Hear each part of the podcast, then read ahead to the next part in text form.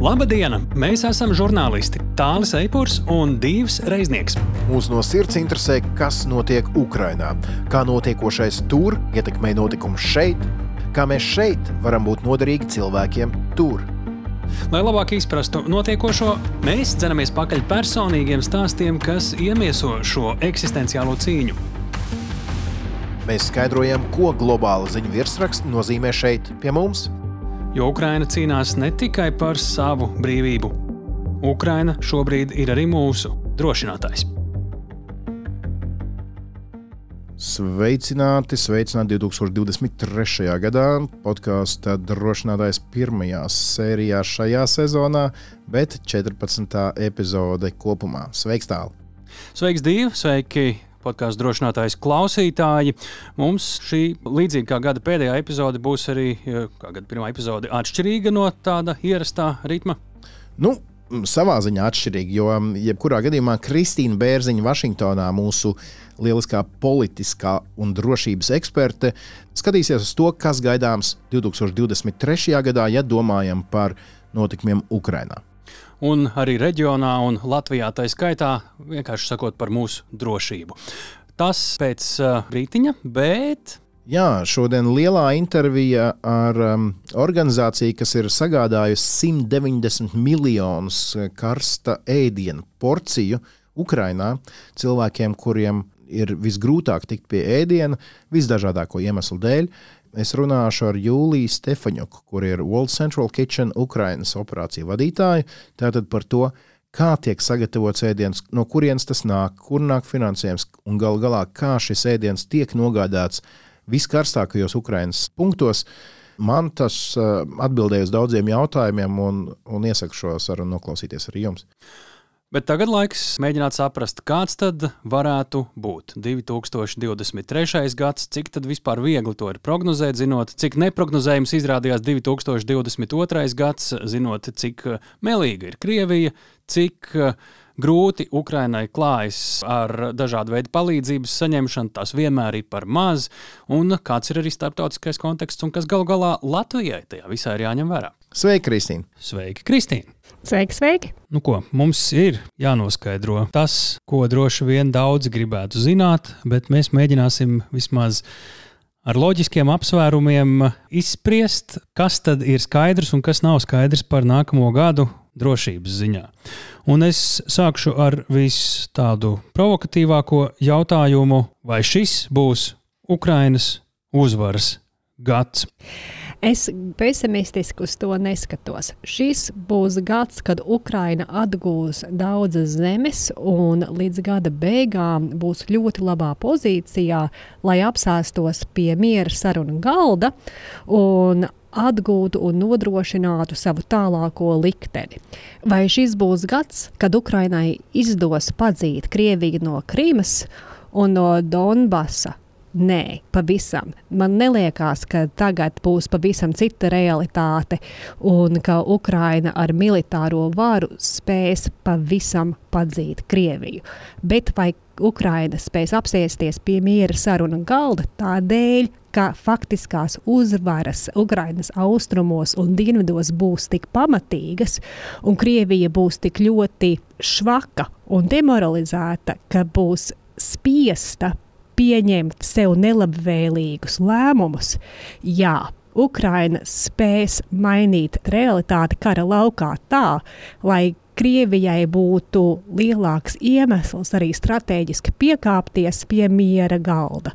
Tā nebūs tāda otrā pasaules kara Berlīnas atgūšanas diena, bet kaut kas ļoti labvēlīgs Ukrainai līdz šī gada beigām, jā, būs kāds ir pamats šādiem apsvērumiem, un tas noteikti iet kontekstā ar uh, atbalstu Ukrainai šajā cīņā no ārpuses. Protams, atbalsts Ukrainai turpināsies, bet atbalsts ir viena lieta, un otra lieta ir Ukrainas pašas spējas cīnīties un motivācija, un kādā veidā tā varētu, piemēram, pieaugt.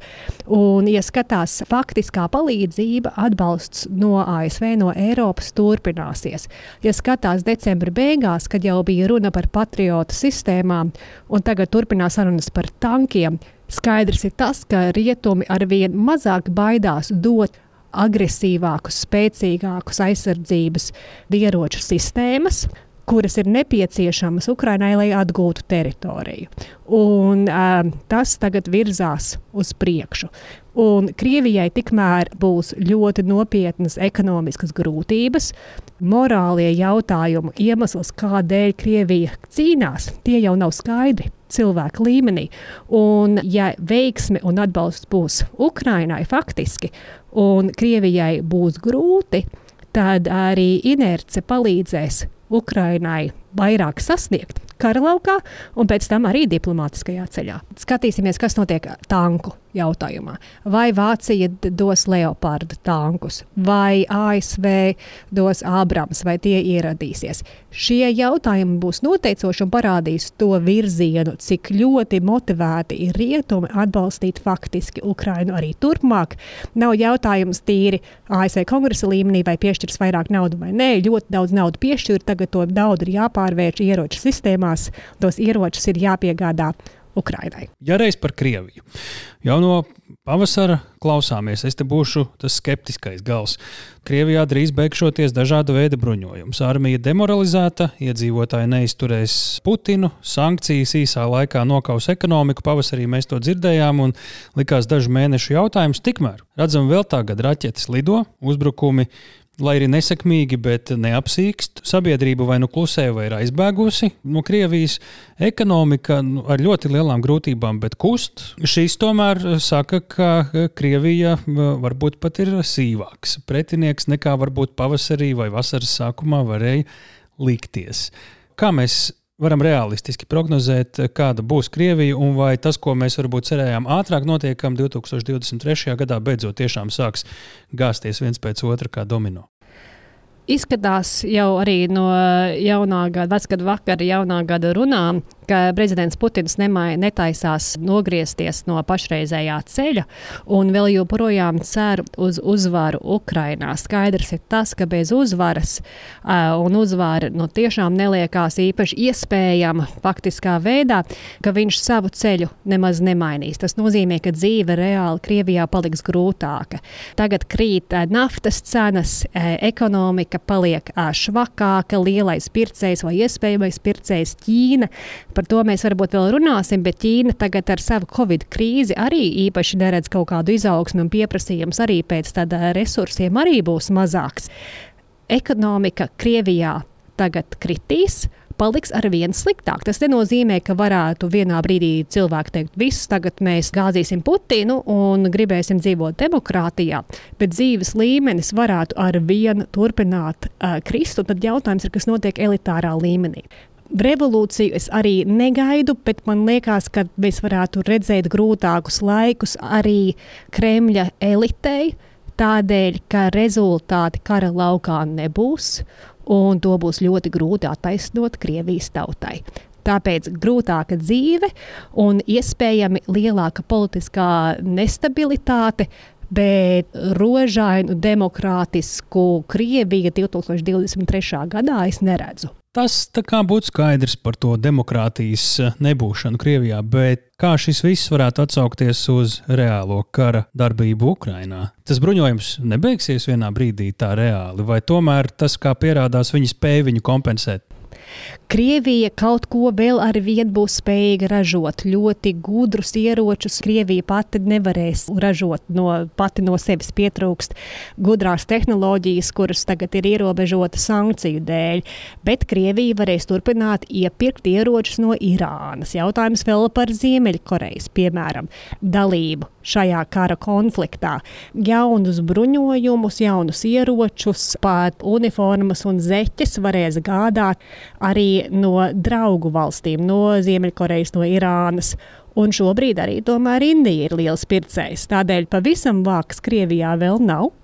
Bet labi laiki arī nebūs. Un jautājums ir, cik ilgi gan elite, gan tautas spēs ciest gan kara zaudējumus, gan ekonomisku grūtību.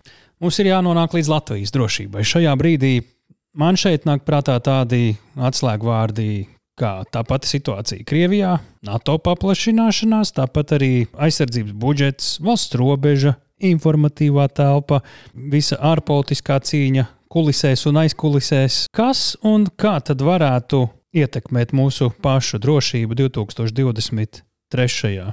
gadā, un varbūt kas ir mūsu mājas darbi no pašu puses arī tā skaitā? Nu, jā, Latvijai svarīgākais ir neatslābt. Latvija rādīja priekšzīmi starptautiskā telpā un arī mājās aizsardzības jomā iepriekšējā gadā, un arī pirms tam. Latvijas uzskati, ka Krievija var apdraudēt Latvijas, Baltijas, un Eiropas un NATO drošība, tie izrādījās bija pareizi. Un tagad e, Latvijai ir lielāka ietekme Eiropas Savienībā, NATO, starptautiski nekā jebkad iepriekš. Latvijai tomēr, lai izmantotu to ietekmi un turpinātu rādīt priekšzīmi, un lai Latvijas reputācija turpinātu augt starptautiskajā telpā, būs ārkārtīgi svarīgi parādīt to, ka Latvija var savā tautsājumniecībā, savā valdībā pieņemt vēl joprojām svarīgus lēmumus par aizsardzības budžetu, par iepirkumiem aizsardzības jomā, būs ļoti svarīgi arī vērtību ziņā parādīt toleranci un atvērtību bēgļiem, parādīt to, ka Latvijai durvis ir atvērtas, palīdzēt tiem, kuri cieš grūtības kara dēļ. Un šeit ir, protams, runa par Ukrainu, par Ukrainas bēgļiem, bet arī ir runa par Krievijas bēgļiem. Jo mēs nevaram aizmirst to, ka Dožda skandāls decembrī tomēr ietekmēja Latvijas reputāciju rietumos, un uh, Latvija cieta neslavu. Dēļ Dožda gadījuma. Protams, tas nav viennozīmīgi. Ukraina slavēja Latviju par lēmumu. Skaidrs, Bet būtu ļoti svarīgi, lai Latvija turpinātu parādīt savu atvērtību visādiem žurnālistiem un tiem, kas cenšas bēgt no autoritārām varām. Tas būs ārkārtīgi nozīmīgi, lai turpinātu parādīt, ka Latvija ir eiropeiska, attīstīta, tālredzīga valsts. Un tas ir daudzām ministrijām jāņem vērā, un arī tautai. Jo atvērtība tas būs tiešām ārkārtīgi nozīmīgi. Vēl viena lieta, jāskatās arī, kas būs svarīgs šajā gadā. E, svarīgs būs tas, ka Viļņā jūlija vidū notiks NATO samits. Un, ja Madridē pagājušā vasarā pieņēma lēmums, kā vajadzētu visā NATO līmenī stiprināt austrumu flanka, tātad arī Baltijas drošību, tad nākošos lēmumus par to, kā tas izskatīsies, cik lieliem būtu jābūt aizsardzības budžeta tēriņiem, kādā veidā kopīgi veikt iepirkumus, visi tie praktiskie jautājumi, tos būs jābīda uz priekšu tieši Viļņas samitā. Tas ir ārkārtīgi svarīgi arī, ka samits notiks Baltijā. Ietekmīgi ļaudis no rietumu drošības aprindām vairāk grozīsies tieši Baltijā un būs arī vairāk iespējas parādīt Baltijas uzskatus un mūsu sakārtoto un spējīgo vidi. Tāpēc, ka Latvijas tiešām sakārtotība un atvērtība un vēlme uzņemt un palīdzēt NATO karavīriem un citām valstīm, tā būs ārkārtīgi nozīmīga. Un tas arī, arī ir Lietuvā, Igaunijā, un ja kopā Baltija nostājās un parāda, arī tagad turpmāk savu priekšzīmi, un samits būs ļoti labs brīdis, kad to varēs parādīt, tad arī Latvijas drošība ar vien kļūs stiprāka. Nu, un pēdējais, kas ir jāpaskatās, kas nākamgad drošības situācijas ziņā vispār pasaulē, no tā, kas tagad varbūt kaut kur klusāk grūst, kuriem punktiem mums būtu jāpievērš svarīgākajiem dažiem uzmanība? Ārkārtīgi svarīgs būs divas valstis.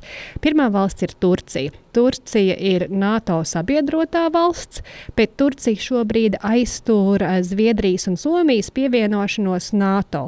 Turcija vēl nav šo, par šo jautājumu balsojusi un dēļ kurdu jautājuma kavē NATO paplašināšanos. Šajā gadījumā būs jāskatās, kāds rezultāts būs Turcijas vēlēšanās, gan prezidenta, gan parlamenta vispārējās vēlēšanas notiks vēlākais jūnija beigās. Ir iespējams, ka vēl ātrāk pat. Un šī iekšzemes jautājumi aizkavēja tālāko NATO darbību. Turcijai pirmsvēlēšanu laikā ir bijis ļoti svarīgs Krievijas ekonomiskais atbalsts, tādēļ, ka ekonomiskā situācija Turpic, Turcijā ir ārkārtīgi smaga. Tādēļ pēc vēlēšanām cerams būs labvēlīgāka situācija NATO tālākai pragmātiskai, praktiskai darbībai. Tādēļ jāpievērš uzmanība tieši arī Turcijai.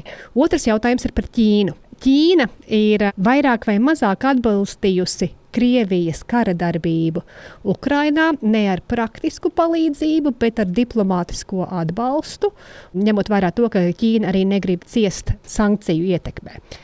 Un tagad skatīsimies, kā tālāk izvēršas jautājums par Ķīnu. Krievijai Ķīna ir nepieciešama kā a, valsts, kur pārdot resursus, no kuras iepirkt nepieciešamo tehnoloģiju. Bet jautājums ir par Ķīnas iekšējo stabilitāti, tāpēc ka Ķīnā tikai tagad sākās pirmais nopietnais Covid vilnis. Un, ja mēs skatīsimies par to, kādā veidā Eiropas ekonomika cieta pirmajos Covid viļņos, tad tas vēl Ķīnai viss ir tikai priekšā. Vai Ķīna tad būs labs ekonomiskais partneris eh, Krievijai? Maz ticams. Un otrs jautājums ir, kā Ķīna uzvedīsies tad, kad ekonomika klibo. Un kādā veidā tas ietekmēs Ķīnas ārpolitikas prioritātes? Jo Krievija, nu jā, labi, tas ir kaut kas, bet lielākā prioritāte Ķīnai tomēr ir Taivāna.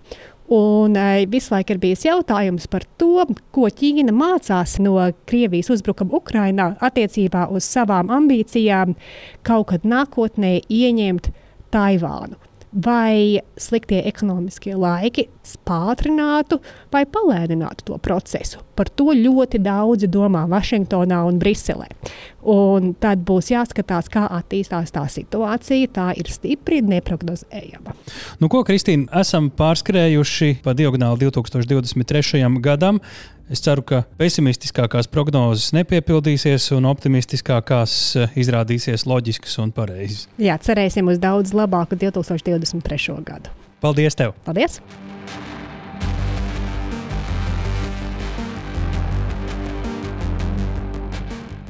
Nu, paldies Kristīnai Bērziņai, Vašingtonā un tālim tepat Rīgā.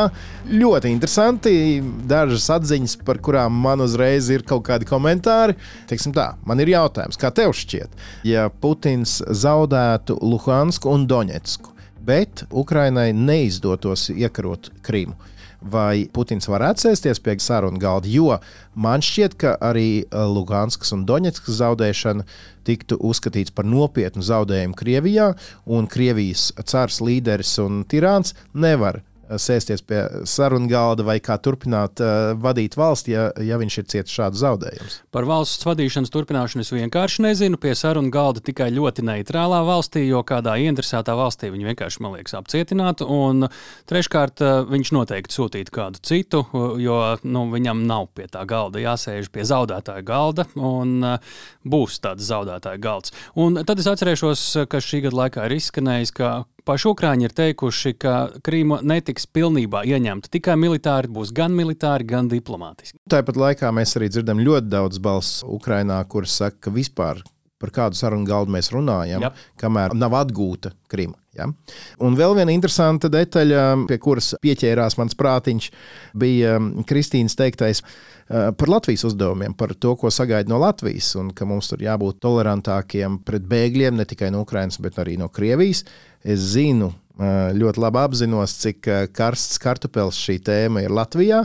Bet es domāju, ka šeit ir svarīgi saprast, ka šis ir skats no Vašingtonas, un, un ļoti interesanti ir, ka mēs varam paskatīties uz sevi no malas. Un ļoti svarīgi ir apzināties, kā citi mūs redz no malas, un vai tik tas kādā brīdī nevar ietekmēt kādus lēmumus attiecībā uz Latviju. Katrā ziņā e, šo podkāstu mēs noteikti varam e, klausīties pēc kādiem mēnešiem un skatīties, kas ir piepildījies, kas nav piepildījies. Savukārt e, mēs šobrīd varētu iet uz priekšu pie mūsu šīs dienas galvenā varoņa, bet tā kā šis ir gada pirmais raidījums, tad es domāju, pirms mēs spērsim soli uz priekšu, paskatīsimies arī nedaudz atpakaļ, paskatīsimies, kā ir gājis dažiem no mūsu varoņiem, tāpēc ka mēs esam saņēmuši svarīgas un, un jaunas ziņas saistībā ar dažiem no tiem tāli stāsti. Jā, vispirms sāksim ar eh, stāstu, kur ir vislielākā neskaidrība un tāds vispesimistiskākais skats, diemžēl. Vērīgākie drošinātāji klausītāji atceras eh, piekto epizodu novembra sākumā, kur sarunājāmies ar skolotāju no Tašu no Kijavas apkārtnes. Un, jā, viņi stāstīja par savu vīru, kurš ir karā. Diemžēl jau no decembra pirmās puses ziņu no viņa vairs nav. Un pēdējās ziņas bija no teritorijas, kas jau pēc brīža atradās Krievu ienaidnieku kontrolē, un šobrīd jau viņa ir saņēmusi mantas savu vīru no viņa vienības bāzes. Diemžēl nav nekādu ziņu vairāk, un mēs varam tikai turēt īkšķus, ko nu kurš lūgties, vai kā citādi mēģināt atbalstīt attālināti. Un otrs stāsts mums ir no mūsu mediķis Sarmītas Cīrulis, kura mums sniedz ļoti, ļoti dziļu un emocionālu interviju, bet eh, šobrīd, diemžēl, arī eh, viņai ir pavērsiens, un jāsaka, ka diemžēl, jo namiņu, kurā atradās viņa medpunkts, eh, diemžēl bija atraduši arī krievu artilēristi. Ar Sarmītu šobrīd uh, viss jāsaka, tā ir vairāk vai mazāk labi. Viņa mums raksta, mēs ar viņu sarunājamies, un viņa arī saka, ka visas īstās zāles saņem, ir kontūzija, Un eh, šis tas vēl drusciņš, bet visā visumā viņa izskatās, ka agri vai vēlu būs atpakaļ frontē. Mēs varam šobrīd arī noklausīties vienu audio ziņu no Sārmītas mūsu klausītājiem. Es veseļojos, kā es jūtos. To ir pašlaik vēl tā grūti aprakstīt, jo kontūzijā un smadzenes atrisinājums dara savu. Es saņemu atbilstošu ārstēšanu un ir ļoti, ļoti, ļoti, ļoti lieli uzlabojumi. Es jau esmu tāda ļoti nepacietīga. Es zinu, ka mana rote gaida mani un tā notiek ar cilvēku, kas atbild par pārējiem, ne? kā mamma un kā galvenā mediķe. Arī daudz tulkoju. Paldies, ka jūs mani atbalstat, un es nedomāju braukt uz Latviju. Es palikšu Ukrajinā. Un ne jau es vienīgā esmu cietusi sprādzienā un cilvēki turpina cīnīties par neatkarību. Piemēram, esot slimnīcā, kur blakus mums tiek pārtverta raķete un netālu sprākst, un es esmu palātā, kur ir divas grūtnieces, kuras raud un ir izmisumā, tad es saprotu vēl vairāk, kāpēc es esmu šeit, lai varu palīdzēt karavīriem. Lai viņi var atgriezties ierindā, cīnīties par Ukraiņas neatkarību. Um, ar mani viss būs kārtībā, ar mani jau ir daudz, daudz, daudz, daudz, daudz labāk. Paldies jums liels un ar svētību. Un tad jūs kādu citu pārraidi uz daudz gaišākas notis ar Dieva palīgu. Tā bija Sarmīta Cīrula, un, un tie, kas nav dzirdējuši, tad noklausieties mūsu devīto epizodi. Tajā ir tāļa plašā intervija ar viņu. Bet šajā nedēļā mūsu lielā intervija būs ar ukrainieti Jūliju Stefaņuku. Viņa pārstāv organizāciju World Central Kitchen, ir principā galvenais cilvēks šīs organizācijas Ukrajinā. Kas ir šī organizācija? Kā jau podkāstu sākumā minēju, viņi ir sagādājuši 190 miljonus siltas pārtikas porciju Ukrajinā cilvēkiem, kuriem pārtika ir visvairāk nepieciešama.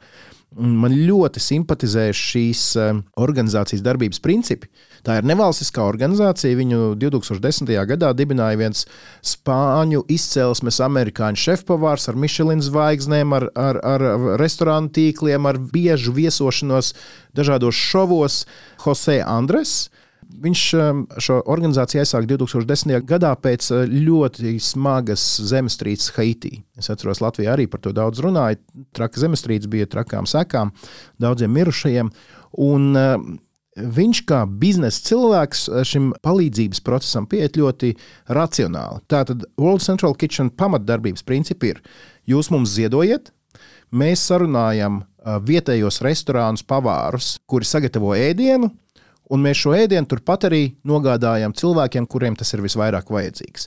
Kas tiek iegūts? Ne tikai cilvēki ir pāēdināti, bet tiek nodrošināts darbs arī restorānu darbiniekiem, pavāriem. Dubults atbalsts. Tieši tā, un, un tas notiek vietās, Tātad, kur ir šī vajadzība? Nevis tiek ievests kaut kāda savas pārtika vai pulverīša no nezinu kaut kurienes. Un par to visu mēs arī sīkāk uh, runāsim ar Jūliju, kura arī, protams, iesaistījās šajā organizācijā tikai pēc kara sākuma, bet ir jāpiebilst un jāuzsver, ka šī organizācija ir tik efektīva savā darbībā, ka viņi uz Ukraiņas-Polijas robežas bija jau 25. februārī un jau izdalīja pirmo silto pārtiku. Tev vienkārši pauze no manis. Jā, jā. Tā kā jā, klausamies. Mūsu saruna būs angļu valodā. Ja jūs gribat dzirdēt netulkoto versiju, tad, um, kā vienmēr, mēs publicējam divus uh, identiskus uh, mūsu podkāstu variantus. Vienu ar lielās intervijas tulkojumu latviešu valodā un vienu oriģinālu valodā. Izvēlieties, kā jums ir ērtāk klausīties. Tātad klausāmies Julijas Stefaņuka, World Central Kitchen, Ukrainas operācijas vadītāja. Hi, Julia. Hi, hi. Uh, well, Happy uh, New Year. Happy New Year. We have to say that we are recording this interview on afternoon of January 1st. And usually we say Happy New Year to everyone at this time. What did the Ukrainians uh, wish to each other? Anything besides victory? You know, yes, you're right. The only one wish we had uh, from this last night it was our uh, this year should be victorious year for Ukraine, and we are really sure and we really want this. And any other points are not so important for us. Only victory. 2022 has been uh, the year of changes. How has your own personal life changed in 2022? You know, really expectation uh, were, were quite different. I worked with catering company, and we had a lot of plans for summer to do a lot of events, but uh, the end of February changed our life. I didn't leave my country. I had such possibility, but I understand that I can be really helpful here. And the first of March, I met uh, the founder of World Central Kitchen, this big U.S. organization in Lviv, and uh, we start work and we start feed refugees. And from this time, all this last year, I work for Ukrainians. I work, I help Ukrainians, and I'm really proud. For, so for me, I also find something positive in this because now I'm uh, feel more needed for my country. What does the World Central Kitchen do, and uh, what is it uh, as an organization? Central Kitchen is US organization founded 12 years ago. Most of the time they help in natural disease situation in different countries in America, North America, South America, Africa also. So uh, they bring uh, emergency help and Ukrainian mission. It was like the first time they helped in uh, wartime and it was also a big challenge for them. First, they arrived like on the second day of the war to Poland to help Ukrainian refugees to feed them, and uh, later they like first of March they arrived to Ukraine side, and from this time All mission start. We delivered more than 190 million portion of meals we help uh, for the beginning of our activation among all the Ukraine till uh, September. We help pro- uh, mostly for refugees, for people which lost or should left their homes, their cities, their villages, and uh, now we are mostly operate in the front line with emergency response.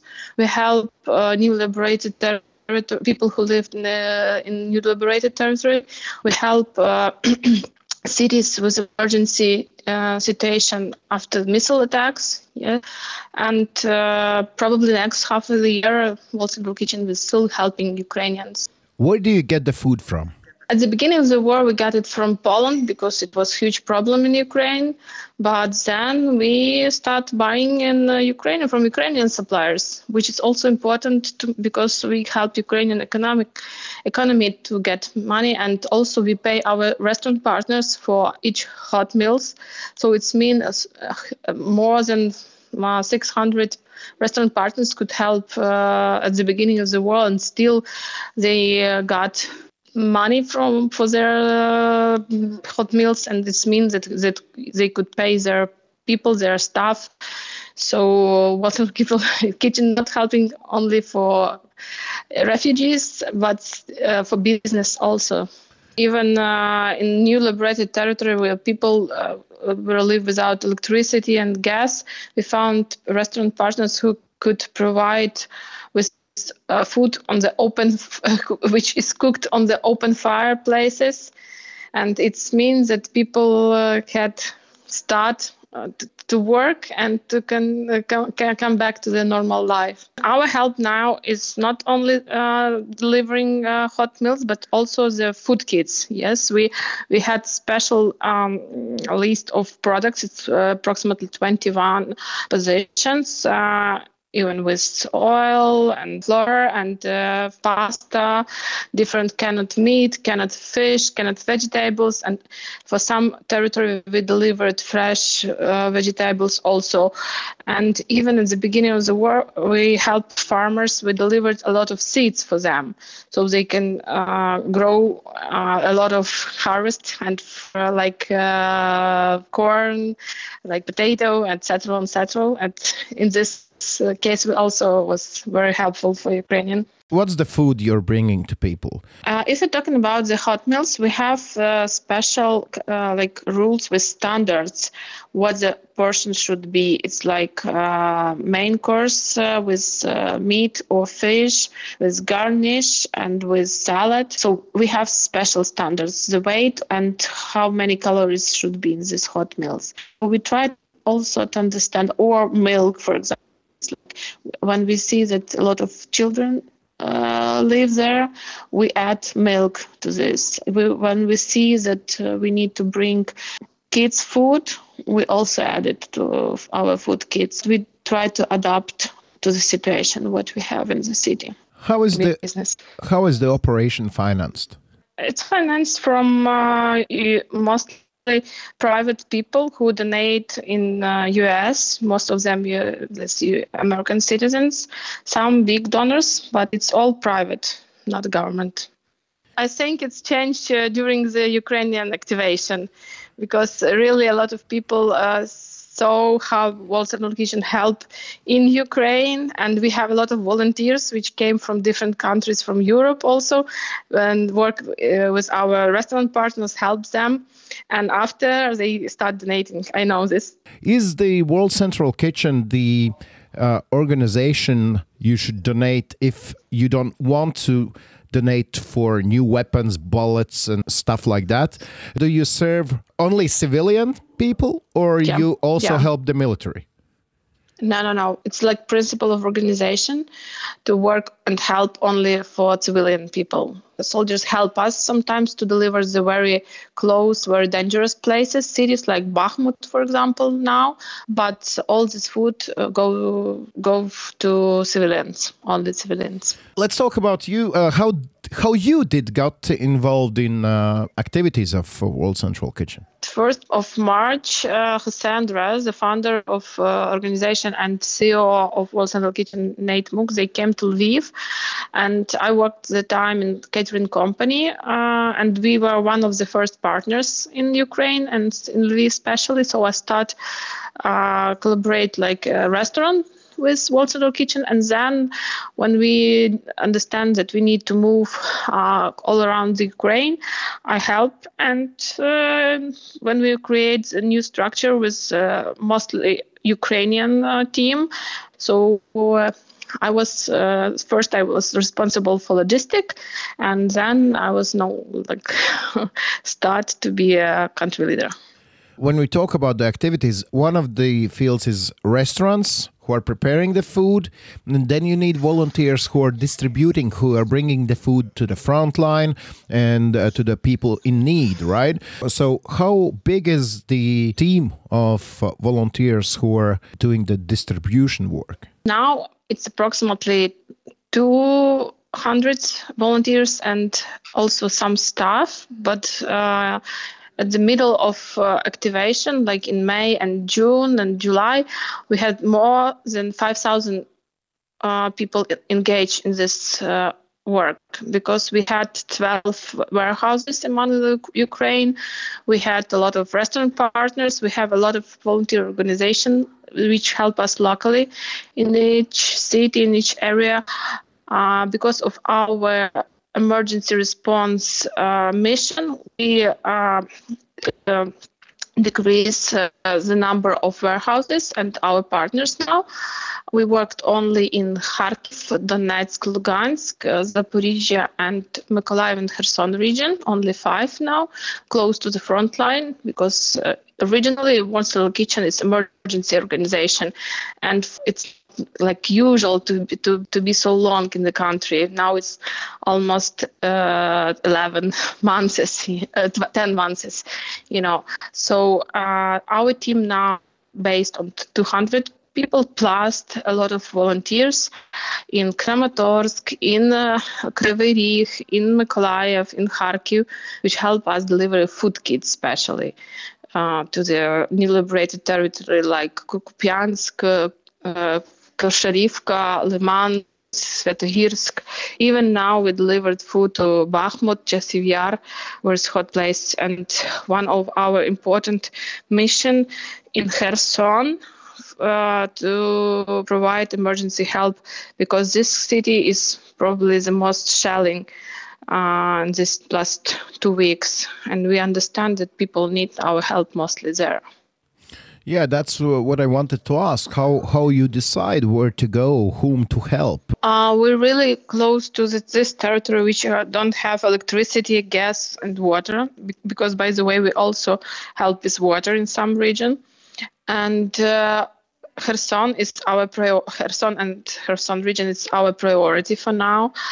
Even we're preparing for liberation Zaporizhia region. We expected and we prepared team there. And we are very flexible. For example we could deliver to one city uh, at the beginning at the first day of liberation. Then we when we see that other organizations also help we decrease our food kits uh, delivery and uh, relocate it to other uh, smallest or biggest villages. So we investigate the situation every day you know even like in Liman uh, probably it's also very hot and uh, place still and people uh, don't have very difficult condition to live without water and electricity and we understand that our organization couldn't stop helping there. Even we uh, we were doing it for three months so for us, it's important to understand if the people, uh, what condition, what did they have like uh, access to product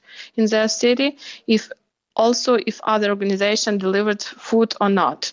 And we uh, could change our strategy like every week. We are really flexible on it because uh, World Central Kitchens is emergency organization. So all the system built on this uh, idea to be first and to help first. And what other principle which I was uh, impressed, it's like doing and then improving. So we don't wait like weeks and to build some documents, procedures, how to help. We start doing what we can in this situation, and then we just figure out how we can improve the help, how we can improve the delivery, how we can be more succeed so successful in each area tonight I'm, I will go to Odessa and then we'll drive to Kherson because I need to um, understand what is going on, especially to make the right decision.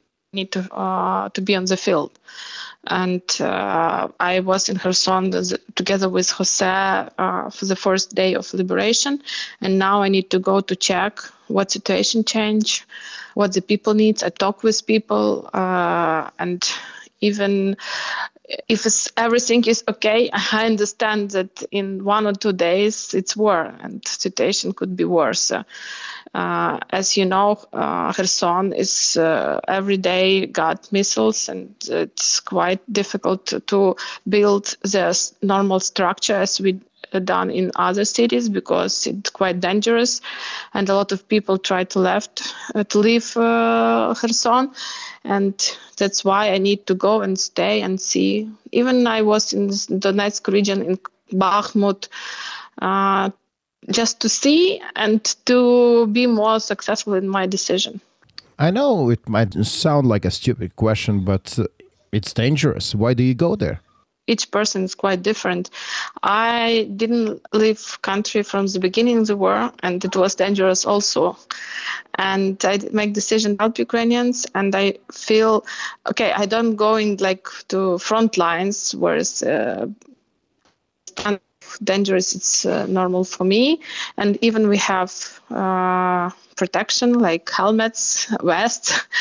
we use it, and uh, in other case, uh, I couldn't help Ukrainians, so it's my decision to work in such way. Right. And probably Jose also ins- inspired me. he doesn't How? afraid, and me too.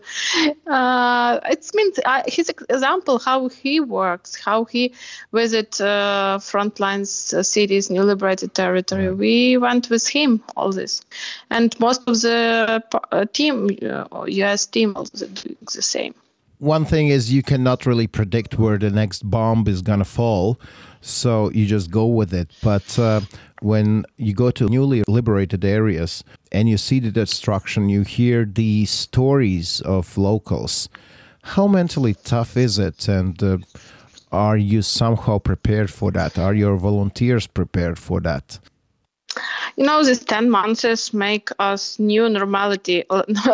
I call it like of the life. We understand that war is not so uh, easy to uh, to overcome all your feelings, but still uh, we become more uh, stronger. And I graduated sociology, and uh, I also have some psych- psychology experience and I know how to protect myself uh, and help my team to protect of these emotions. And even volunteers which work with us, they're local pe- uh, people who didn't leave their city, so they're also ready to stand and ready to live in such conditions. Mm, and in general. Swimming pool helped me after when I come back from this service, and I try to find how to uh, re- reflects of this. What are the conditions uh, the people live through when they are under occupation? I mean, when you go to liberated areas, what you see, what you hear from the locals after they have been liberated. You know, I can really easily explain it because probably most of uh, post-Soviet countries know and remember about the Second World War my grandparents told me the stories how it was during this time. So stories from our uh, new liberated territories citizens the same. It happened 70 years ago and now it's the same. If you know these uh, people sh- who especially have ukrainian position a lot of them killed a lot of them was imprisoned a lot of them lived in uh, shelters. Frankly speaking, some people like who not just neutral, uh, throw their neutral position, they live normally, but most of them waiting for Ukrainian, and they really hoped that this old territory will be liberated soon but in general it was really really similar situation from russians like it was during the second world war. Has there been a story personal story you've heard uh, you've been told uh, from the 2022 that has stayed with you that you cannot really forget I have a lot of a lot of stories, and I can share some some one of them from Bucha, because we have uh, personally like uh, contact with family, which we're still helping. We try to rebuild their building, and uh, this family live in Bucha in a very good. Uh, house private house their son uh, he's like has some uh, disabled person. And when uh, russians came they have a huge uh, problems and their house was totally destroyed. Probably you know this uh, Vokzalna street uh, where this uh, tank battle happened. And a lot of russian tanks uh, also destroyed a lot of private houses. So one of this family they stay on, in their basement for two days uh, because they couldn't get out and uh, they were injured and they survived and they left and they come back and and now we almost finished new building for them. Uh, all our world central kitchen team and other donors gave money and we rebuild it. So it's other good example how we uh, care and not, not only about feeding people but in general some such stories happen that's what I wanted to ask you. Uh, when you go to those newly liberated areas, there are probably requests to do something that it's not really your field of responsibility. How do you say no to people who have just been liberated? You know, we are like, uh, first of all, we are all Ukrainian, our team, and we help person. For example, when we got uh, they don't have uh, signal like internet or other connection with other part of Ukraine, and they give us like a list of uh, their relatives to call we come back to Kharkiv, to Kharkiv and try to call all of them and say that our relatives is good. Uh, otherwise, we uh, we ask to bring some uh, medicine, and next time we come, we we bring. And even if we have some requests, for example, for generators, for hot, uh, for um, clothes, for some other like wood, for Izum, we try to find other organization which could help in these cases. And we, we because we uh, we know a lot of smallest one who work in particular sphere like for water helping or building or generators helping. So we know such organization and try to work with them together. And co- co- collaboration is the best way to help to be uh, success, successful the Ukraine is such a huge country. Is the situation different in east, in south? What do you see on the field? In general, the same problems, but it depends also how was the situation uh, before uh, occupation and after liberation. What I mean, Izum was totally destroyed without electricity, without water. So and there's less people uh, live there, and they cooked outside near their uh, houses. And in Kherson, uh, Kherson wasn't so destroyed. They are destroying now by Russians. So, and these cases, for example, in Izum, we from the beginning start to deliver hot meals because without electricity, without gas, they don't have any possibility to cook. But in Kherson, for example, they have they they didn't have electricity by but they have gas. And most of the houses uh, cooked by gas. So we delivered only food there. So we really uh, try to first time we come to the city on new liberated territory we try to figure out what the need is. And really they could be different. Uh, water needs uh, for example, was a huge problem in Kherson still and now. And for example, in uh, Kovsharivka or in uh, they have possibility to get water. So in these cases, we also change our strategy. It all not depends is it east or south. It depends what conditions they have during the occupation, before occupation, and uh, how they were liberated. Is it Russians left very fast, or they destroyed all uh, infrastructure and then left. Have there been cities or towns where people have been starving during the occupation? You know, it's it's also it depends of the city. Uh, it's quite to, to uh, like explain, but still, we it's hard question for me. I've seen on uh, Instagram page of World Central Kitchen that you've met uh, with President Zelensky, who was uh, thanking you for your efforts. What was his message to you and to your organization? We met with him twice. First, it was beginning of August, and in these days, he, it was me and Jose, and he asked us not to leave Ukraine and to work to help to continue because of the winter issues. And second time, he was really asked to to help during this cold time, and uh, it was it, it impressed Jose, and he made decision really to continue to work till the. Uh, in that times he decided to till the end of the winter. Now he decided to continue till the end of uh, springtime. So and second time uh, it was when Jose got uh, the order merit of uh, like thanks from Ukrainian country and from Ukrainians. And he said that he agreed that Central Kitchen probably is the most helpful organization in Ukraine, which a foreigner organization which help Ukrainians. And it was also very pleased to see and motivate us to do more and more. Have you found your new purpose in life?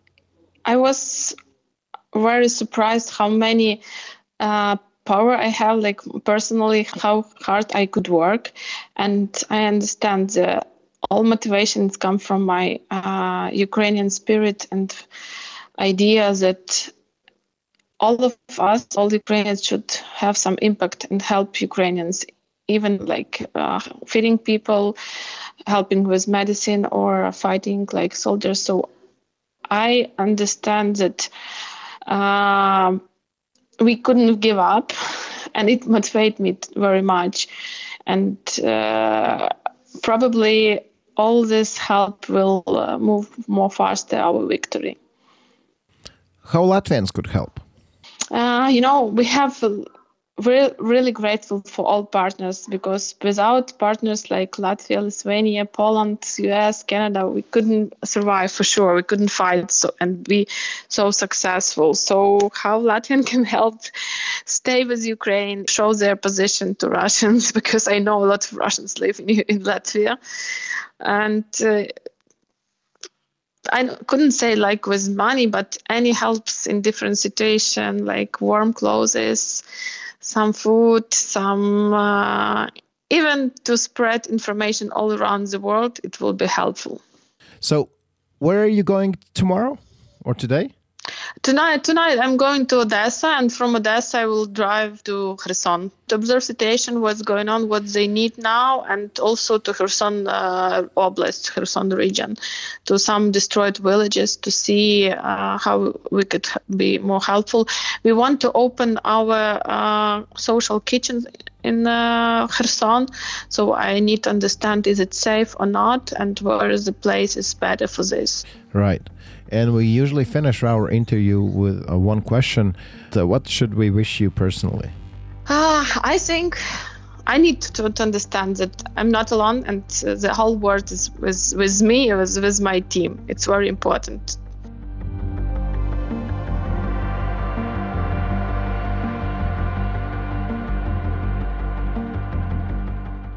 Paldies, Dīva! Paldies arī Jūlijai. Un man šķiet, šī saruna ļoti svarīga, tāpēc, ka tā rada sajūtu, ka Ukraiņi nav vieni visos veidos šī sajūta ir ļoti, ļoti svarīga. Un tas atbalsts, kā izskatās, un izpratne par to, ka tas atbalsts ir vajadzīgs, nav tikai šeit, Latvijā, Polijā, Lietuvā.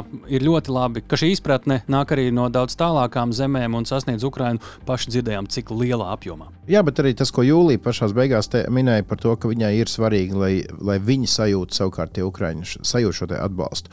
Un starp citu, starp citu, ir ļoti dažādi veidi, kā jūs varat palīdzēt Ukraiņai bet es zinu, ka ir cilvēki, kuri uh, vēlas atbalstīt Ukrajinu, bet nevēlas, lai viņa palīdzība rezultātos jaunos ieročos vai kādā veidā militārismā. Tad uh, es gribu tā teikt, uzsvērt, ja, World Central Kitchen, manuprāt, ir uh, viena no tām organizācijām, kam jūs droši varat ziedot. Un jūs ziedojums, jūs zinat, ka nonāks tieši pie cilvēkiem, kuriem vajag vienkārši kārtējo nākamo Silto pusdienu maltīti. maltīti. Tieši tā. Un, un kas vēl ir interesanti, ko no kā Jūlijā tā diplomātiski mēģināja aiziet mūsu sarunā, kas, eh, kas varbūt palika ārpus eh, šīs montētās versijas, bija World Central Kitchen vadītājs, dibinātājs Jose Andres. Eh, visai skarbi izsakās, it sevišķi vasarā viņš izteicās un arī tiekoties ar prezidentu Zelenski par ANO pārtiks programmas darbību un citām ANO organizācijas struktūra vienībām, tāpat arī par USAID, proti par šīm valdības organizācijām kuru mērķis principā ir tāds pats kā World Central Kitchen - palīdzēt ļoti tādā pamatlīmenī cilvēkiem uz vietas. Bet tur ir šī nenormālā birokrātija. Un birokrātija savukārt uz vietas nozīmē procesu ieilgšanu.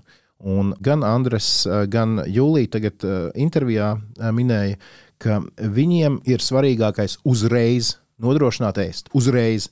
Un tad, ja nāk kādas citas organizācijas, ok, mierīgi, mēs ejam tālāk. Mēs ejam uz mazākiem ciemiemiem, vai mēs ejam tuvāk frontē, vai vēl kaut kur. Bet viņi tā tad vispirms dara, un pēc tam sakārto dokumentus, kas ir nu, tā, viņi izklausās, bet man šķiet ļoti, ļoti efektīvi. Nu, tas ir tas, ko dara nevalstiskais un privātais sektors, ka, ko tas var izdarīt. Jebkurā gadījumā visu šo būs iespējams jau pēc kāda brīdiņa izlasīt arī LSMLV. Tur es uh, zinu, Dievs ir sarūpējis arī vēl papildu materiālus, kas rada vēl precīzāku un interesantāku priekšstatu par to, kā viņi darbojas. Jā, lasiet, uh, tur būs arī video materiālu sarūpēt un fotografijas, un varēsiet iegūt vēl visaptverošāku ieskatu. Dalieties ar saviem draugiem, radiem paziņām, ja jums šķiet, ka šī mūsu saruna vai šis mūsu podkāsts ir svarīgi to dzirdēt. Kā arī rakstiet mums uz drošinātājs at Latvijas Rādio LV, ja jums ir idejas, kādus vēl cilvēkus jūs gribētu dzirdēt mūsu raidierakstā, vai arī kādas tēmas jūs gribētu, lai Kristīna Bērziņa izskaidro. Jā, par Kristīnu Bērziņu. Tad mums ir viena debija podkāstam drošinātājs līdz ar jauno gadu. Daļa no mūsu raidieraksta vai podkāsta izskan arī Latvijas radio viens ēterā. Šajā gadījumā tā daļa, kur mēs sarunājamies ar Kristīnu Bērziņu. Jums tā ir ērtāk, klausieties ceturtdienās, tas viss Latvijas radio viens. Un atcerieties, drošinātājs skaidri un personīgi par karu Ukrainā. Raidieraksts drošinātājs.